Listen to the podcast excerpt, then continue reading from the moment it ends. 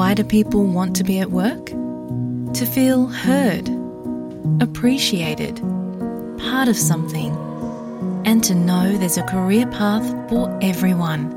Inclusive workplaces are linked to increased innovation, productivity, and employee satisfaction.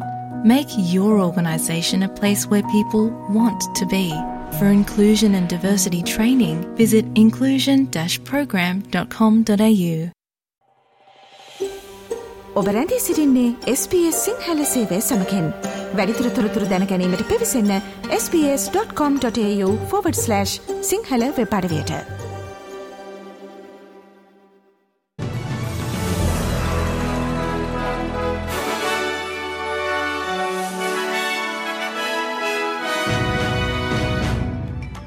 අද පෙබරවාරි මසදා සේවනදා SBS Sinhala පුවත් ගෙනන මම කවින්දයා උමයංගනී චන්ද්‍ර සෝම.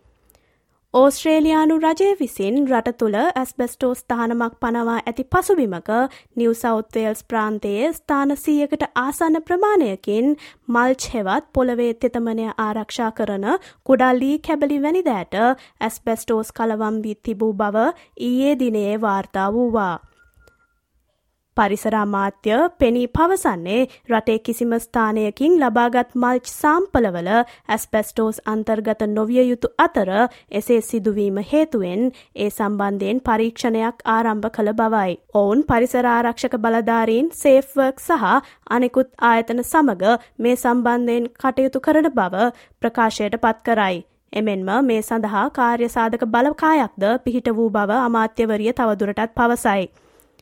මීට පෙර ප්‍රාන්තාග්‍රාමාත්‍ය ක්‍රිස්මින්ස් ප්‍රකාශ කළේ බලධාරීන් තවමත් ගැටලුවේ විෂයපතය තේරුම් ගැනීමට උත්සාහ දරන බවත් ඊට සම්බන්ධ ස්ථාන සිය ගණනක් හඳුනාගෙන ඇති බවත්ය. නමුත් පරිසර ආරක්ෂක අධිකාරියේ ප්‍රධාන විදායක නිලධාරී ටෝනි චැපල් පවසන්නේ ජනතාව මල්ච්වලට නිරාවරණය වීමේ අවධානම ඉතා අවම බව ජනතාව තේරුම් ගතයුතු බවයි. පලස්තීනුවන් මුදා ගැනීමේ එක්සත් ජාතීන්ගේ ඒජන්සිය නොහොත් United Nations Palestinian relief agency වෙත ආධාර ලබාදීම නවතා දැමීමට ඇල්බනීසි ආණ්ඩුව තීරණය කොට ඇත. මේ හේතුවෙන් ඔවුන්ව දැඩි ලෙස විවේචනයට ලක්වී ඇති බව වාර්තාවේ. ඊස්ට්‍රායිලය චෝදනා කරන්නේ පසුගිය ඔක්තෝබර් මස හත්වනදා හමාස් සංවිධානය සිදු කළ ප්‍රහාරයන්ට මෙම ඒජන්සියෙහි ආධාර සේවකයන් සම්බන්ධ බවයි. UN ඒජන්සිය මෙම චෝදනා පිළිබඳ විමර්ශනය කිරීම හේතුවෙන් පසුගිය ජනවාරි මාසේ තවත් රටවල් කිහිපයක් සමග එක්ව මේ සංවිධානයට ආධාර සැපීම අත්හිටුවන ලදී.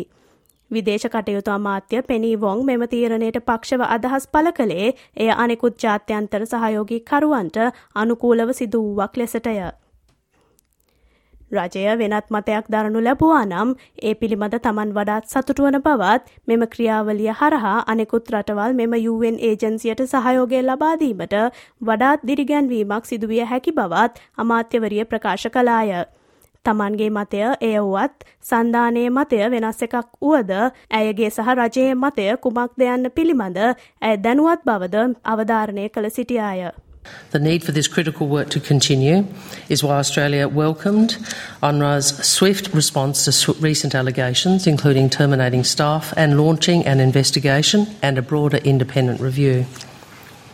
Australia is now working with a number of other major contributors to make clear to UNRWA that it needs to demonstrate strong, transparent, and accountable leadership for the international community to move forward together.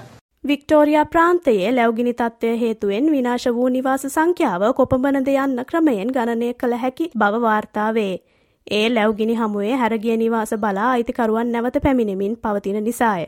ප්‍රාන්තාග්‍රාමාත්‍ය ජසින්තා Allan පවසන්නේ ග්‍රැම්පෙයින්ස් national පාක්හි පොමනල් ප්‍රදේශයේ නිවාස විසිහතරක් ව්‍යාපාර තුනක් සහ ගොඩනැගිලි විසිතුනක් මෙන්ම ඩැඩ්ස්වෙල් බ්‍රිච්හි නිවසක් මේ වන විටත් විනාශ වී ඇති බවයි. ප්‍රාන්ත පාර්ලිමේන්තු සභික එමා කෙලි තවදුරටත් පවසන්නේ නිරීක්ෂකාංශයන්ගේ වාර්තාවන නිවාස බිඳ වැටීම් සංඛ්‍යාව අනුමාන කළ සංඛ්‍යාවට වඩා ඉහළ අගයක් ගෙන ඇති බවයි. සියලු ආකාරයේ ලිංගික සේවාවන් සාපරාධී වරදින් ඉවත් කිරීමට වික්ටෝරියා ප්‍රාන්තය සැලසුම් කරයි. කර්මාන්තය නියලෙන්නන් සියලු දෙනා ආරක්ෂා කිරීම සඳහා නීති සම්පාදනය කිරීමටද තීරණය කොට ඇත. පාර්ලිමේන්තුවේ යෝජිත නවනීති අනුව ලිංගික ශ්‍රමිකයන්ට යුගල වශයෙන් සේවය යෙදීමටත් ඇනවුම් භාරගත් පසු එකිනෙකාට කෙටිපනිවිඩ යවා සේවාව සඳහා ආරක්ෂිතව රැගෙන යාමට හැකියාවක් ඇත. දැනට පවතින නීති අනුව ලිංගික සේවකයන්ට අනිකුත් සේවකයන් සමග නීතිගත ගනිකා නිවාසයන් නොවන ගොඩනැගිල්ලක සේවය යෙදීම තහනම්ව පවතී.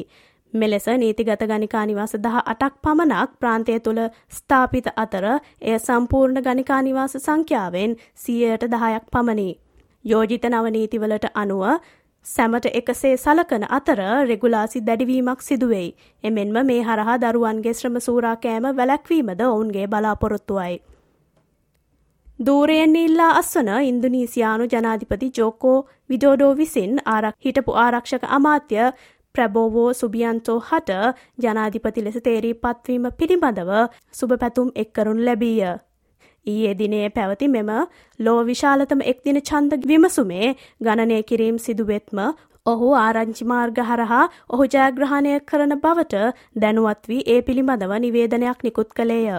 සුබියන්තෝ ඉක්මන් ගණනය කිරීම් පිළිබඳ කෘතඥතාවය පළ කළ අතර මෙම ජයග්‍රහණය මුළු ඉන්දුනීසියාවේම ජයග්‍රහණයක් බව ඔහු පැවසීය. එමෙන්ම නව ජනපති සහ ඉන්දුනීසියා ෆෝව සන්ධානය සියලු බලතල වැළඳගෙන ජනාධිපති උපජනාධිපති සහ ආණ්ඩුකාරවරුන් බවට පත්වනු ඇති බවත් ඔහු ප්‍රකාශ කරන ලදී. මේ පිළිබඳව වැඩිදුරත්තොරතුරු විදෙස් විත්ති සමාලෝචනයෙන් බලාපොරොත්තු වන්න. ජාත්‍යන්තර ක්‍රිකට් කවුන්සලය නිකුත් කළ නවතම එක්දින ක්‍රිකට් ශ්‍රේණිගත කිරීම් අනුව ස්ථානදා හතරකින් ඉදිරියට යෑමට ශ්‍රී ලංකා දඟ පන්දු ක්‍රීඩක වනිදු හසරංග සමත් විය. ඇෆ්ගනිස්ථාන කණ්ඩායමට එරෙහිව පැවති දෙවැනි එක්දින තරගයේදී ලකුණු විසි හතකට කඩලු හතක් දවා ගනිමින් දැක්වූ දස්කම් හේතුවෙන් ඔහු මෙලෙස ඉදිරියට එමින් විසි හයවැනි තැනට පත්ව තිබේ.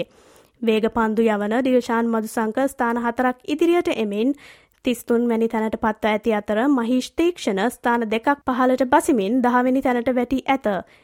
එහි පෙරමුණ තවමත් දකුණු අප්‍රිකානු කේශව මහරාජ්ට හිමිව ඇත. ක්‍රීඩා පිටියෙන් වාර්තා වන තොරතුරු සතියේ ක්‍රීඩා විග්‍රහයෙන් බලාපොරොත්තු වන්න.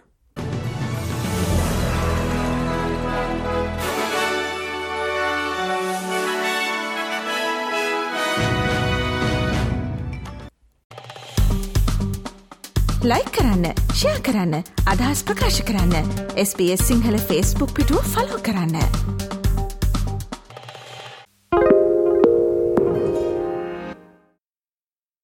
SBS is Australia's most trusted multilingual broadcaster. Our listeners are loyal, highly engaged, and have supported countless local businesses. We offer advertising packages for businesses of all sizes. Our experienced sales team will guide you through the process of owning a great campaign. Bring your own ad or have our production team make you something in one of our 68 languages. Start the conversation with your new audience today. Email sales at sbs.com.au.